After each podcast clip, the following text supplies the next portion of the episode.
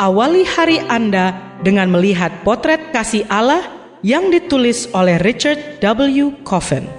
Melalui renungan pagi ini, kita akan mempelajari karakter Allah yang menuntun kita kepada kasihnya.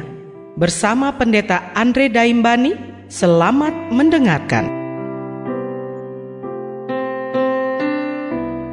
Shalom, selamat pagi saudaraku. Renungan pagi kita hari ini 21 Juni berjudul Pola Makan Daniel. Ayat intinya diambil dari Daniel 1 ayat 8. Demikian firman Tuhan. Daniel berketetapan untuk tidak menajiskan dirinya dengan santapan raja dan dengan anggur yang biasa diminum raja. Dimintanyalah kepada pemimpin pegawai istana itu supaya ia tak usah menajiskan dirinya. Mari kita dengarkan penjelasannya. Raja Nebukadnezar menginginkan para tawanan perang Yehuda untuk mengikuti budaya Babel atau budaya akulturasi. Untuk mencapai tujuannya, ia mengadakan pelatihan khusus dalam kesusastraan bangsa Kasdim selama tiga tahun dan bahasa juga menu khusus, makanan dan anggur langsung dari meja makan raja. Namun Daniel menolak program daya tersebut, dan Hananya, Misael, serta Azaria melakukan hal yang sama. Ketika Daniel meminta kepada kepala rumah tangga istana untuk tidak diberi makan dari menu sang raja, petugas itu menolaknya karena takut melawan perintah Raja Nebukadnezar. Bagaimana jika kesehatan Daniel dan tiga orang sahabatnya merosot? Daniel pun kemudian mendekati penjaga dan mengusulkan percobaan sepuluh hari untuk hanya makan sayuran dan air. Di akhir hari ke-10, Daniel dan tiga sahabatnya diperiksa dan ternyata perawakan mereka lebih baik dan mereka kelihatan lebih gemuk daripada semua orang muda yang telah makan dari santapan raja. Dicatat dalam Daniel 1 ayat 15. Penolakan Daniel masih merupakan misteri dan sejumlah kemungkinan alasan telah diajukan atas tindakannya itu. Barangkali makanan itu telah dipersembahkan kepada berhala.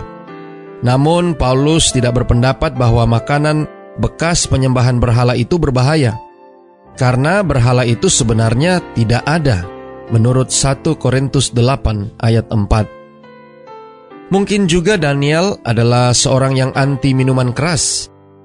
Namun dalam Daniel 10 ayat 3, kita mempelajari bahwa Daniel minum anggur dan hanya pantang ketika berpuasa selama tiga minggu. Barangkali Daniel bertahan terhadap usaha raja untuk meleburkannya ke dalam budaya Kasdim. Namun, upaya akulturasi itu memiliki dua unsur: menu makanan dan pembelajaran. Mengapa menolak yang satu tetapi menerima yang lain? Barangkali daging yang diberikan tidak halal, tetapi mengapa ia menolak anggur juga? Mungkin makan santapan raja menunjukkan penaklukan diri pada Nebukadnezar. Namun belakangan Daniel menyebutnya Raja segala Raja. Sebuah gelar yang di tempat lain diberikan pada Allah. Sebagaimana dicatat dalam Wahyu 17 ayat 14. Dan ia berkata bahwa Tuhan telah memberikan kekuasaan kepada Nebukadnezar. Dicatat dalam Daniel 2 ayat 37. Saudara-saudara yang kekasih di dalam Tuhan, teka-teki itu tetap ada. Bahkan meningkat ketika kita melihat Esther, seorang pahlawan Yahudi lainnya di Mesopotamia yang menerima akulturasi tanpa mengeluh, sementara Daniel menolaknya. Allah memberkati kedua pahlawan itu, terlepas dari cara pendekatan mereka. Barangkali ia lebih luas ketimbang yang kita kira.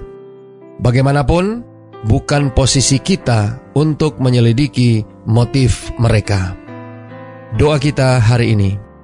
Bapa, terima kasih. Melalui renungan pagi ini, kami boleh mendapatkan pelajaran yang berharga untuk kesehatan jasmani kami. Terima kasih melalui renungan pagi ini, kami boleh belajar pengalaman Daniel dan ketiga sahabatnya yang memakan sayur-sayuran dan air putih dan membuat mereka gemuk dan sehat, bahkan lebih daripada semua orang muda yang telah makan dari santapan raja. Tolong kami hari ini Bapa, biarlah dengan mengikuti pola makan Daniel akan boleh menjadi berkat bagi kami secara jasmani, teristimewa secara rohani. Terima kasih Bapa. Inilah doa dan permohonan kami kepadamu. Semoga Tuhan senantiasa memberkati kita sekalian sepanjang hari ini saat kita melakukan aktivitas kita masing-masing.